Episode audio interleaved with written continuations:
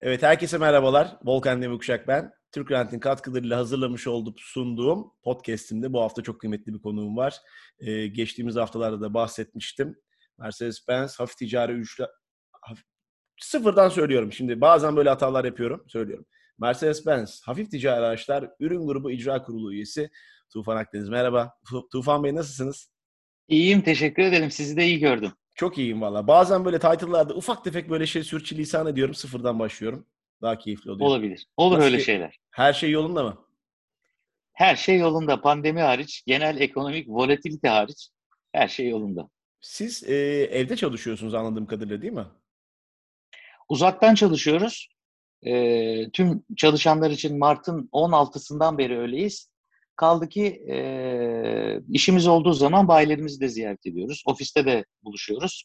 Ama pandemi kurallarına maksimum özen göstererek bugün ofisteyim. Ee, böyle toplantımız, görüşmemiz olduğu zaman geliyoruz. Ee, daha evden halledilebilecek işleri de evden hallediyoruz. Peki şimdi sizi ben uzun süredir tanıyorum ya. Uzun süredir otomotiv sektöründe yöneticilik yapan biri olarak. Şimdi otomotiv sektöründe gelecek böyle birazcık daha evle iş arasında geçecek mi? Yani eskisi gibi sizce full time çalışacak mı otomotiv sektöründeki çalışanlar? Bu herkes bunu soruyor. Böyle devam edecek gibi gözüküyor ama sizin yorumunuzu çok merak ediyorum. Öyle trendleri ben de okuyorum. Eskiden de ok- o- az okurdum. Çünkü bana fütüristik gelirdi. Yani böyle birisi var bir yazı yazıyor, altında fütürist yazıyor. Ya şimdi ben mühendis oldum, okudum. Hani felsefe okuyorum, ben kimseye filozofum demiyorum. Başa ben nasıl filozof ol- olacağım zaten. Ama bazıları fütürist olabiliyormuş demek ki yazıyorlardı. Gelecek bu böyle oluyor, böyle şekilleniyor diye. Biz de hadi canım diye ben de okuyordum. Sonra işte bir pandemiyle dünyanın beli kırılınca adamların dediği yere hem de kendi öngördüklerinden bile çok daha hızlı geldik. Otomotiv sektörü diye bakarsanız da fonksiyon olarak bakın zaten nereye gideceği bugünden belli. Sadece otomotiv için de değil. Üretim yapıyorsanız onlar üretim yaptığınız yerde devam edecek. Yani ister araba üretin, ister otobüs üretin. Şu bizim temin karşısında otobüs fabrikamız var. Tabii ki orada insanlar gelip çalışacak otobüsü üretiyoruz. Ama işin ofis kısmına baktığınız zaman, pazarlama kısmına baktığınız zaman e biz buraya gelmek zorunda değiliz pazarlama yapmak için.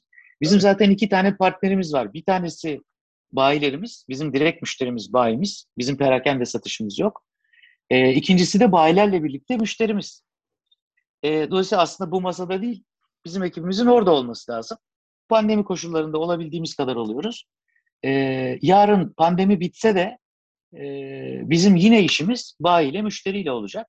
E, ofis kısmını da eğer biz bir sene ofise gelmeden, e, performansımızı hiç düşürmeden bir seneyi tamamlayabildiysek, bundan sonra da böyle gidebilir. O zaman tamamlayabildiğinizi anlıyorum yani. Verimlilik anlamında Evet. aslında çok büyük bir kayıp yok. Çünkü ben de kendimden bakıyorum. Yani hepimizin hayatı tamamen değişti. Şimdi evde böyle bir radyo, YouTube yayını falan yapıyor olmak bana 3 sene önce yok artık derdim. Yani konuğa saygısızlık derdim olur mu? Stüdyoya gidelim öyle yapalım falan artık. Hepimiz her şeye alıştık. Şimdi otomotiv çok zor bir döngüden geçiyor bizim ülkemizde. Avrupa'da da çok ciddi sıkıntıların olduğu aşikar. Pek çok sorun çıktı. İşte pandemi çıktı, çip çıktı, o çıktı, bu çıktı derken işte geçen hafta Süveyş kanalında bir şey takıldı. Oradan bir lojistik problemleri oldu. Yani aslında otomotiv sektöründe çok küçük veya çok büyük şeyleri nelerle karşılaştırdığını görmüş olduk. Yani bir dakikalık, bir günlük bir olay da bizi çok zorluyor. Ee, Türkiye'deki döviz kuru da bizi çok zorluyor. Ve Türkiye'de otomotiv sektöründe yönetici olmak hep çok zor diyorum. İşte bununla ilgili biraz size sorayım. Nasıl işiniz orada? Yani hakikaten e, fiyat dengelemesi, e, masa başında sürekli fiyatlarla ilgilenmek. Yani bazen insanların aslında yoğunlaşacağı şeye yoğunlaşamamasına neden olduğunu söylüyor diğer otomotiv sektörü yöneticileri. Siz ne düşünürsünüz? Ben öyle düşünmüyorum. Nasıl düşündüğüm, özgür irademle nasıl düşündüğümü söyleyeyim. Ee, şimdi her insan keyif yaptığı işi yapar. Yapmalı. Zaten keyif aldığı işi yapmalı. Öyle olursa zaten işe katma değeri olur. Kendi yaptığı işten tatmin olur ve işini iyi yapan biri olur. Bu, bu otomotiv sektörü de sevmezseniz yapılacak, çekilecek dert değil. Ee, ama biz seviyoruz işin bu tarafını. Şöyle bakalım. Bizim ülkenin e, bundan 15 sene önce ben Almanlarla oturduğumda 15 sene 20 sene önce biz Türkiye'yi 3 sıfatla tanımlıyorduk.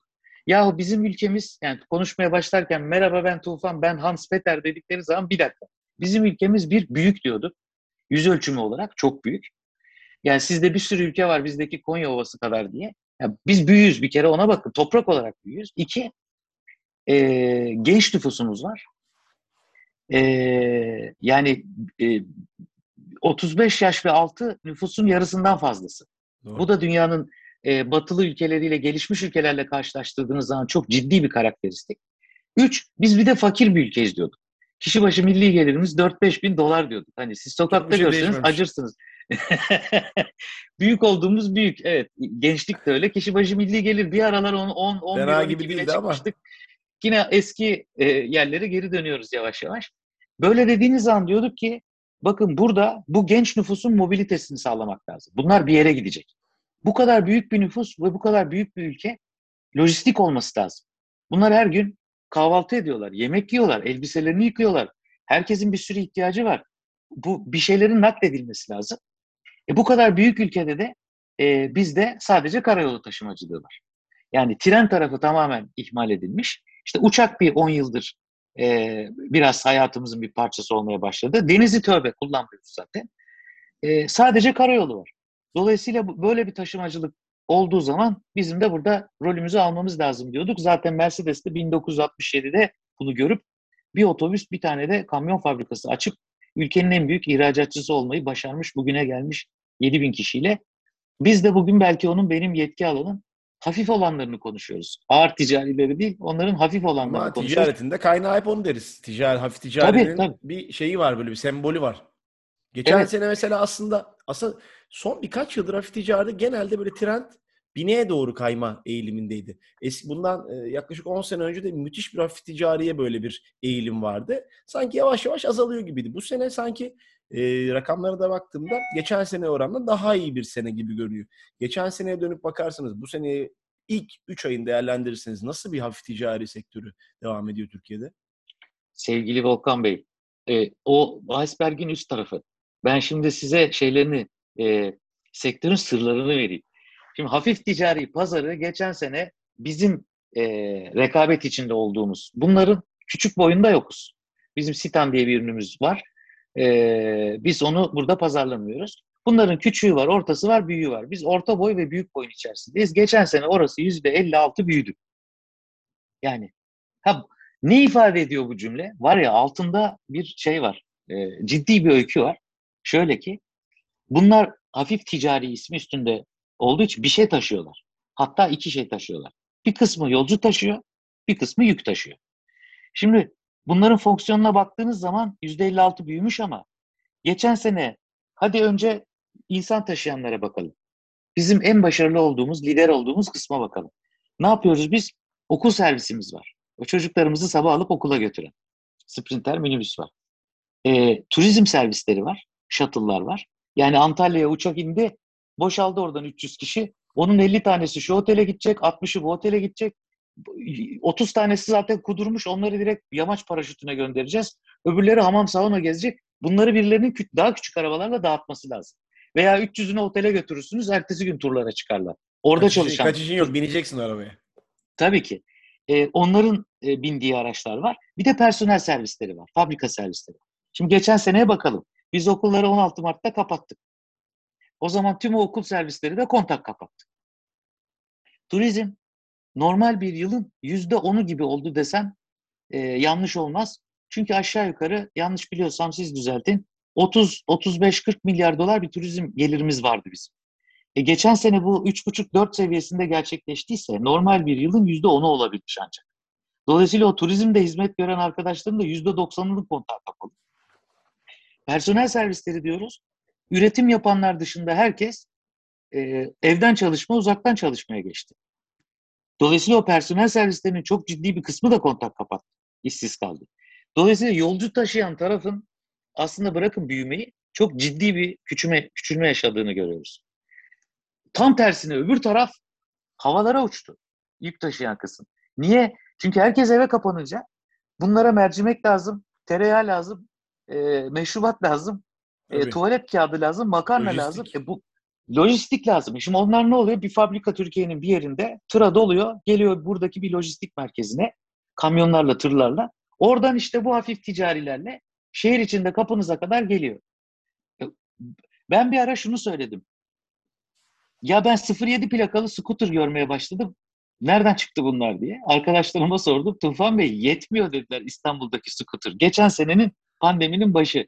Ortalık bir sürü İstanbul dışı plakalı araba dolu. Muğla. Ben de Muğla görüyorum. Antalya görüyorum. Evet. Aynen öyle. Dünya kadar. Dedim kardeş şehir mi ilan ettik Antalya'yı? Canımızdır da yani ne arıyor burada bu kadar 07 plakalı araba yetişmiyor.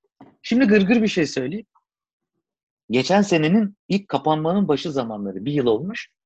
İkinci el müdürü böyle aramızda bir toplantıdan önce sohbet ediyoruz ya neler geliyor başımıza diye. Ee, büyük bir market zincirinden şey alışveriş yapmış, gıda alışverişi. Kapımıza geliyor ya. Yiyecek, içecek, meşrubat. Ben camdan baktım diyor. Siyah sprinter gördüm diyor. Getiren arkadaş poşetleri getirdi diyor. Ben o arabayı tanıyorum çünkü diyor onun sahibi Boğaz'da bir yerde ofisi var. VIP turizm taşımacılığı yapıyor diyor. Ve o siyah araba hani numune biz çoğunlukla beyaz satarız. Ben o arabalar bunlar satılırken takas işlemini ben yaptım diyor. İkinci elin müdürü konuşan. Getiren arkadaşa patronunun ismini söyledim selam söyle dedim. Adam da şaşırdı diyor. Yani turizm turizm yok ya. Herkes kapalı ya. Adamlar bayağı VIP turizm minibüsünün koltuklarına poşetleri doldurup millete e, zeytinyağı? Ne yapsın değil mi? Aynen. Ben bunu gırgır diye anlattım. Birkaç tane pilot arkadaşım vardı. Abi bana müsaade ben kaçıyorum dedi. Nereye gidiyorsun kardeşim dedik. E, uçuşum var dedi. Abi dedik ulus uluslararası şey var. E, yolcu nakliyatı yasak. Yani ülkeler kapandı ya. Tabii. Sen pilotsun nereye uçuyorsun dedik. Abi biz e, kargo taşıyoruz dedi. Yolcu uçağıyla mı taşıyorsunuz dedim. E, taşıyoruz dedi. Sonra baktım ki geçen bir tane belgesel vardı. E, bayağı Almanya'da Airbus yolcu uçaklarını nasıl 25 gün içerisinde e, standart normlara uygun bir şekilde kargo uçağına çevrilebilecek. Ama onu bunlar icat edene kadar bizimkiler zaten koltuğun üstünde taşıdı poşetleri. Yani böyle bir ülke olmak güzel. Biz bu kadar esneyiz. E, işin gırgırı da var. Ama direkt çözüm buluyoruz. Yani yolcu yoksa kutu taşırım ben de koltukta diye. E, biz de emniyet kemerine takın da düşmesin bari diyorduk. E, hani pazar 56 büyüdü diyorsanız bu tarafı uçtu. Yolcu Doğru. taşıyan çöktü. İkisinin Doğru. bileşkesi 56 çıkıyor. İçinde bayağı bir dram, gözyaşı, e, aşk var yani. Vallahi yani hakikaten özellikle işte turizm tarafında yeme içme sektöründe çalışanları hep diyoruz Allah kolaylık versin. Çok zor günler. Her hepimiz çok zor günler geçiriyoruz ama bazıları tamamen evde oturup hiç iş yapamayacak hale geliyor. Hakikaten dediğiniz çok doğru. Aslında sorumu da cevaplamış oldunuz. Yani bir yandan Vito ve Sprinter'da lidersiniz. Bunun kaynağını diyecektim. Ufak ufak da biraz şey yapmış oldunuz. Ama bir şunu da sorayım. Bazı markalara insanlar böyle love brand gibi oluyor. Şimdi Vito, Sprinter bunlar da o sektörde insanların herhalde en sevdiği, en çok işine gelen, e, en çok işini gören modeller haline geldi. Herhalde burada e, bir şey bir- diyecek bir şey yoktur. Yani malumun ilanı diye düşünüyorum. Var var. Vallahi var. Ben şöyle söyleyeyim. Bayılıyor çünkü Yani- insanlarına. Şimdi bu işe başladığımızda bakıyorum benim bu saçlar şey değildi. E, böyle beyaz değildi.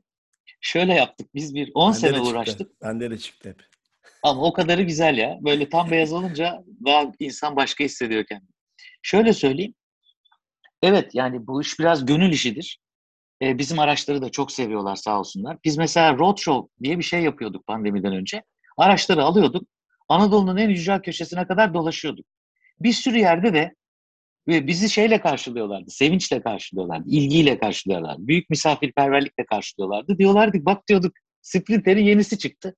Ya bize Sprinter anlatmayın. Para olsa alacağız diyorlardı. Yani biliyoruz biz alınacak arabanın ne olduğunu. Şunu yaptık biz. Bunlar sonuçta ne kadar severseniz sevin ticari araç. Ya bunun tekerini dönüp e, size kazandırması lazım. Zaten o, evet, o teker dönmüyorsa biz de yokuz burada. Biz onların tedarikçisiyiz aslında. Yani işin kahramanı onlar.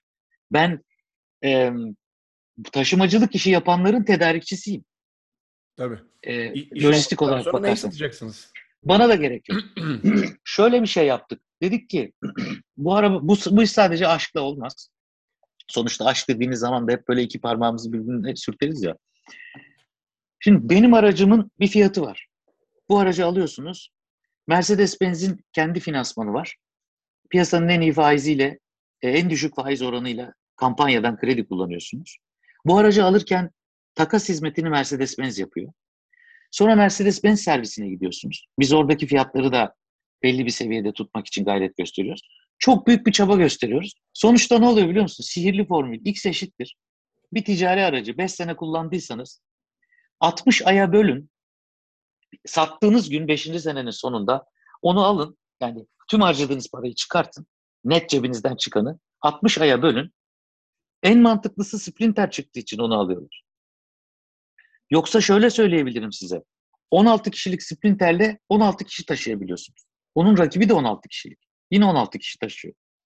Yani 16 kişilik tüm araçları yan yana koyduğunuzda benim araba 16 hmm. kişilik olup da 18 kişi taşımıyor. Yine 16 kişi taşıyor. Ben hep şunu söylüyorum zaten. Bizde otomobili alırken daha ilk gün bize şöyle Volkan Bey bu, bu arabanın ikinci elde ne olur? Diyorum ki de arabayı almadın ki. Bir al önce. Sonra ikinci eline bakarsın. Ama ya, o kadar o kadar haklı ki insanlar. Çünkü biz parayı zor kazandığımız için verdiğimiz şeyin de dönüşünün nispeten hala bir kıymetli olmasını istiyoruz. Çöpe para atmaktan hoşlanacak durumda değiliz. E, dolayısıyla insanlar da bunu seviyorlardı buradaki pazar liderliğinizin süreceğini anlıyorum burada. Bu, bunu olarak, soru olarak sormayayım artık. E, biz bu formülü bozmadığımız sürece sürer. Çünkü burada herkes cebine bakıyor. Biz bunu anlatabildiğimiz sürece, savunabildiğimiz sürece e, sürecek. Yani bizim görevimiz de onu sağlamak. Değilse zaten kimse kara kaşına kara gözüne çünkü bu araçları al, boğazda gezmek için alınan araçlar değil bunlar. Para En azından ticari tarafı. Tabii. Şimdi aslında yani cevabınızı biliyorum ama izlemeyenler, bilmeyenler açısından da bugün dün soru geldiği için size sormak e, gereği hissettim. İşte aslında pick-up tarafına da bir ara girmiştiniz X-Class'la. O durdu. Onu soruyor insanlar. Ya biz bunu beğenmiştik. Neden durdu diyor. Sonra V serisine geçeceğim. Neden öyle bir karar alındı sizce? Ee, şöyle üzülerek söyleyeyim ki Çünkü bizim ürün portföyü hatırlıyorum.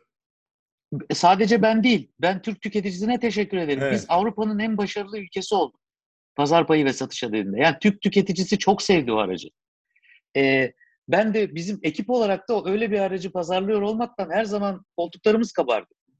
Buradaki arıza şu.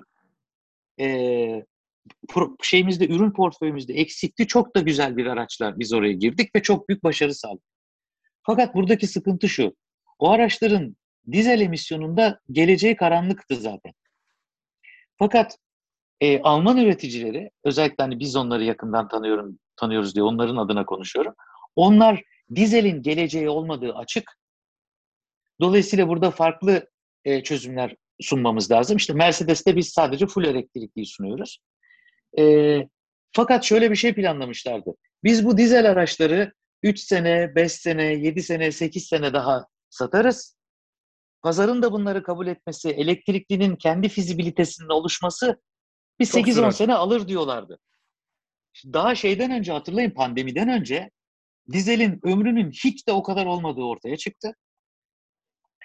Ee, pandemi zaten elektrikliye geçişi net iki sene yani işte kişisel bir değerlendirme ama net iki sene öne çekti.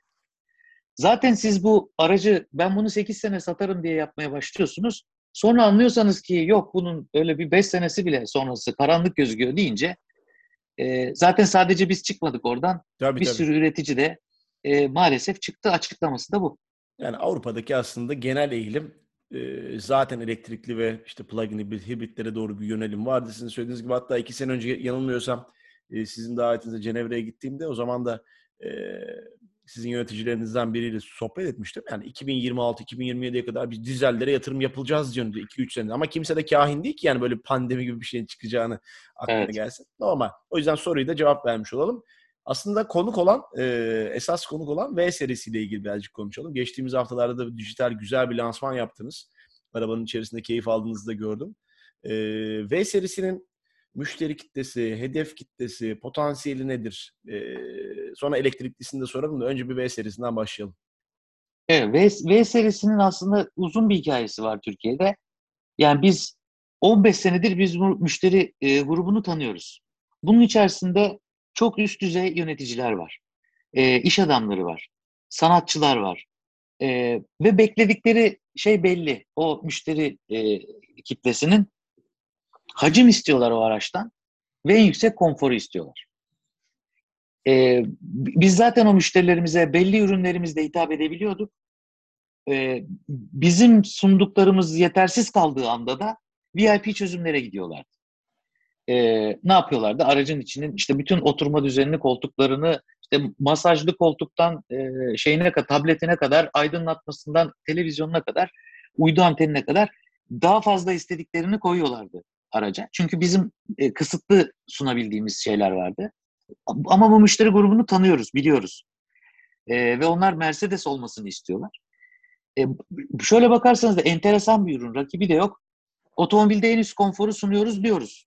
Güvenliği Mercedes araçlarımızla.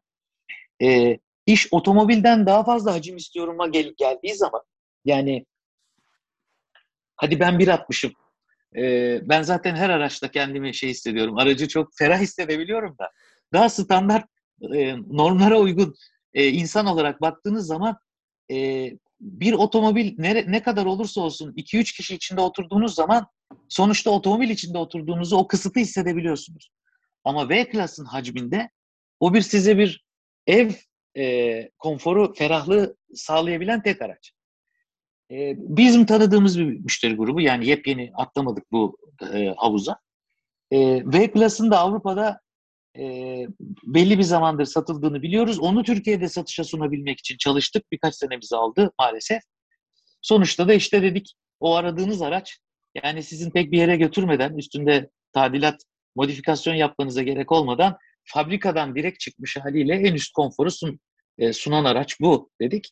E, ilgi görmeye de başladı. Ya aslında zaten sizin orada bir amiral geminiz yani aslında binek tarafta S-Class S serisi var. Yani insanların kişiselleştirme ihtiyaçlarının hepsini e, tatmin eden bir otomobil. Aslında V serisinde de bunu siz bu tarafa biraz kaydırıyorsunuz. E, lansman döneminde yaklaşık herhalde bir, bir 20 gün mü bir ay mı oldu ne kadar oldu? O zamanlar evet. da fiyatlar şimdi 1.7 1.8 bandındaydı. Şimdi Türkiye'de her şey değişti. 2 milyon bandına ulaştı mı otomobil? Yoksa bu kampanya tarafı sizde de etkili mi? O kampanya tarafına biraz soracağım. Ee, yo aslında bugün 1 Nisan olduğu için dün akşam bir hala 1.700'dü. bugün biraz daha maalesef artmış olacak öyle öngörüyorum ama e, rakamı direkt çıkarmadık. Bugün zaten fiyat listesi olarak yayınlanır şaka, ama her Şaka bir fiyat yapmayacaksınız diye ümit ediyorum artık. Yok yok artık şakayla işimiz yok. Gayet ciddi çünkü ciddi sorunlar yaşıyoruz. Volkswagen bir şaka yaptı. O, temizleyeceğim diye haftalarca uğraşacak gibi gözüküyor. Volkswagen diye belki görmüşsünüzdür. Neyse yani. Yok daha daha görmedim günün koşturmacasına. Bakayım ee, akşam üzeri. Bir, bir bakın bazen böyle bir Nisan şakaları zorlaştırabiliyor. Şimdi ee, iki tane daha şeyi sorayım size. Bir, bunun elektriklisi de var EQV. Onu aslında lansmanda sormuştunuz, sormuştuk ama burada da elektrikli bir bu tarz otomobil ne zaman Türkiye'de olacak? Bu yıl içinde olması için ben tüm ekip olarak çalışıyoruz. Hızlandırdınız ee, değil mi? Çok da hızlandırmadık. Şöyle geçen yıldan beri zaten biz bunu uğraşıyorduk. Geçen yıl e, bir iyi bir kö- kötü haberim var. Bana elektrikli de sıra gelmedi fabrikadan. Çünkü e, bu kötü haber benim için ama iyi haber şuydu. Biz Avrupa'da elektrik e-Vito ve e-Sprinter'le pazar lideri olduk. E, biliyorsunuz biz aslında elektrikli Vito'yu dünyada içten yanmalı motorla aynı hatta üretilen seri üretim full elektrikli ilk hafif ticari aracı yapan bizdik. O zaman Alman posta servisine e, binli adetlerle araç satıyorduk. E, sonra onlar biz kendi arabamızı yapacağız deyince e, biz o üretimi durdurduk, ara verdik. Yani biz uzun süredir elektrikli araç yapıyoruz. Pandemiyle birlikte o elektrikli araç talebi dedim ya iki sene öne çekildi diye çok ciddi bir yüzdesel pazarın ciddi bir kısmını yüzde onunu on beşine alır hale geldi hiç öngörülmeyecek bir şekilde yıl kapanışında ve bir döndük baktık ki en çok da yine biz elektrikli lider olmuşuz. Hazırmışız zaten. Ee, o birkaç sene içinde olacağını düşündüğümüz şeyler orada oldu. Orada olunca bize elektrikli kalmadı. Dolayısıyla elektrikli Vito da Sprinter de gelir. Ama biz ilk etapta e, V-Class'ın bir elektriklisini e, EQV'yi getirelim diye çalışıyoruz. Yeterli şartları oluşturalım, gerekli şartları bir an önce tanıtalım biz de burada binelim sevelim diye uğraşıyoruz. İlgi nasıl peki şu andaki V serisine? İlk, ilk etaptaki geri dönüşler nasıl? Ee, gayet tatmin edici. Ee, hatta şey oldu. Biz en üst seviyeyi sunduk paket olarak diye düşünüyorduk ama o Daha yetersiz yetersiz kalıp ben kendime bir araç konfigüre etmek istiyorum diyenler oldu. Seve seve. Tamam dedik biz de. Zaten bu stoktan satılır bir araç değil. O zaman buyurun seve seve ne, neresini nasıl istiyorsanız sizinle şekillendirelim onları getirelim diye. Orada böyle sayılar ee, vardır ya otomobilde işte 2000 tane alternatif sunuyoruz. Öyle bir rakam öyle bir şey var mı V serisinde alınabilir? Binin, üst, binin üstünde. Opsiyon var. Güzel. Bir evet. Şimdi bu sene aslında çok konuşulan bir şey var. Bir, az önce de sordum. iki tane soruyu birbirine bağlayacağım. Ee, yine değişik bir sene gibi gözüküyor. Zor bir sene gibi. Markaların bazıları çok kampanyaya yöneldi. Bazıları uygun kredi koşulları sağladı ki sizde de bunlar var. Şimdi bu senenin devamından neler bekliyorsunuz? Bolca kampanyalı bir sene mi olacak? Kredi oranlarının uzun vadede düşmesi işte belki 6. 7. aydan sonra nispeten faizler azalırsa krediler de biraz normalleşir. Senenin sonunu nasıl e, öngörüyorsunuz? Nasıl bakıyorsunuz? E, hat kesildi galiba. Sesim Soruyu geliyorsa, alamadım. Sesim geliyorsa bir kere daha. şaka yapmaya çalışıyorum. Bir Nisan mı? Volkan değil Volkan Beyciğim bana senenin sonunu soruyorsunuz. Bana Mayıs'ta ne olur deseniz tövbe ne, ne diyebilirim ki Mayıs'ta ne olacağını. Yani şöyle söyleyeyim. E, şunu şunu Tekrar, net sorumu söyleyebilirim. tekrar ederim ama. Yok. Net söyleyeyim. Hani Tufan Akdeniz olarak e, volatil olacak. Peki şöyle kısa kısa Şö- sorayım. şöyle- bu sene çok şöyle kampanya yapacak volatil olacak. Ben-? İşte ama bunun hepsi volatiliteden geliyor. Peki. Şunu düşünelim. Geçen sene Temmuz'da faizler devlet eliyle bayağı aşağı indirilince biz de faizleri oraya getirip aynı şeyin kuyruğuna takıldık kampanyanın. Ondan sonra Kasım'a kadar ciddi bir devalüasyon yaşamıştık. Orada ciddi fiyat artışları yapmak durumunda kaldık. O zaman talep küçüldü. Ondan sonra Kasım'da beklemediğimiz bir takım hükümette yönetimde değişiklikler olunca ve bu pozitif algılanınca yine pazar açıldı yine kampanya yaptık. E, müşteri şöyle bakıyor yani Türk tüketicisi son derece kurnaz ve hesabını biliyor. E, kimse saf değil. Ocak ayında bu kurlar daha düşer. Sizin kampanyalar yeterli değil sinyali almıştık. Bunlar zımni şeyler konuşulmuyor ama okuyorsunuz çok net. Doğru. Şubat ayında kampanyayı biraz daha arttırdık. Hani ben de burada huduni değilim. Yani diğer pazarlama yöneticileri de diğer markalarda çok benzer şeyleri yapıyorlar. Bu daha düşer diyorlardı, daha verin diyorlardı. Biz de daha fazla verdik ve iyi bir Şubat oldu. E Mart ayına geldik. Hiç beklemediğimiz bir şekilde kur yine yukarı kalkmaya başladı. Yani %10, 11, 12 yine devalüasyon oldu. Şimdi müşteri nasıl bakıyor? E Nisan'da bunlar zamlanacak. Fa- kampanyaların faizleri yukarı kalkacak. Mart'ta ne aldıysak kardır. Tabii Ye- Mart ayı rekor kırıyor. Rekor kırıyor. Kırdı kırdı yani Kırdı, bayağı aynen. güzel bir O Mart oldu. Şimdi şeyi öngörmeye çalışıyor e, müşteri, tüketici. Bu kur bu seviyede kalır mı Nisan'da? Aşağı mı gider, yukarı mı çıkar? Bunu öngöremediğiniz sürece Bunu Özgür Ee, Demirtaş bile bilmiyor artık. yani biliyorum dese zaten e, bizim belki itiraz etmemiz lazım. Bu bu volatilite yani zaten uluslararası ekonomiden bahsedenler hep volatil olacak diyorlar ya. Uluslararası volatil oluyor. Zaten uluslararası düz asfalt gibiyken, stabilken biz kendi ülkemizde volatilite yaşıyorduk. Uluslararası da volatilse burası bayağı çılgın e, tren gibi bir şey oluyor. Seneyi görüyoruz. Bundan sonra da böyle olacak galiba. Çünkü pandemi de sürprizlerle gidiyor. Bu kur, e, bu ekonomik talep, e, bu faizler bir fırsat yaratırsa biz onun peşine takılıp o talebi gıdıklayacağız. E, alım yapacaklar. E, dur bu kur aşağıya gidiyor. Siz o yaptığınız zamları geri alın dediği zaman müşteri. Biz kampanya yapacağız. Biz daha çok yukarı 3 aşağı 5 yukarı 5 aşağı 3 yukarı yaşarız. Evet Ama hep Ee, denilen şeydir yani. Fiyatı oluşturan şey talep. Yani müşteri olmazsa kim fiyat arttırabilir? Müşteri olmazsa kim kampanya yapmayabilir? Yani elinde bir de eskisi gibi markalar stok tutma alışkanlıklarından da vazgeçtiler haklı olarak. E, dolayısıyla e, bu böyle gidecek gibi. Bence çok güzel. Bir tane daha soru sakladım size. E, T serisini sorarlar. T serisi diye bir şey çıkmıştı zamanında. Akıbeti nedir, ne olacak? T serisi bu yıl Avrupa'da e, pazara sunulacak şekilde hazırlık yapılıyor. E, bize zaten Türkiye'de kullanabileceğimiz, satabileceğimiz e, T serisinin üretimi önümüzdeki yıl olacak. Biz de önümüzdeki yıl bunu pazara nasıl sunarız? Sunar mıyız, sunmaz mıyız? Şu anda hesabı kitaba başladık. Çalışıyoruz. E, güzel bir araç. E, ben orada bir şans olduğunu görüyorum şahsen. Ama hesabın tutması lazım. E, sonuçta e, hepimiz bu ülkede yaşayan herkes hesabını çok sıkı tutmak zorunda. Biz o hesabı tutturmaya çalışıyoruz. Tutturursak seneye keyifle onun üzerinden de konuşuruz. Hesap tutmazsa e, Avrupa'da satılıyor, burada satılamıyor deriz.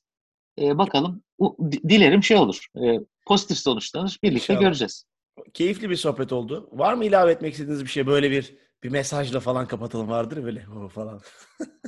E, Yok şunu söyleyeceğim. İlk baştaki soruydu. Tam bitiremedim. Hemen onu söyleyeyim. Buyurun. Hani biz Türkiye'de atak ve esnek insanlarız. Çok çabuk çözüm buluyoruz.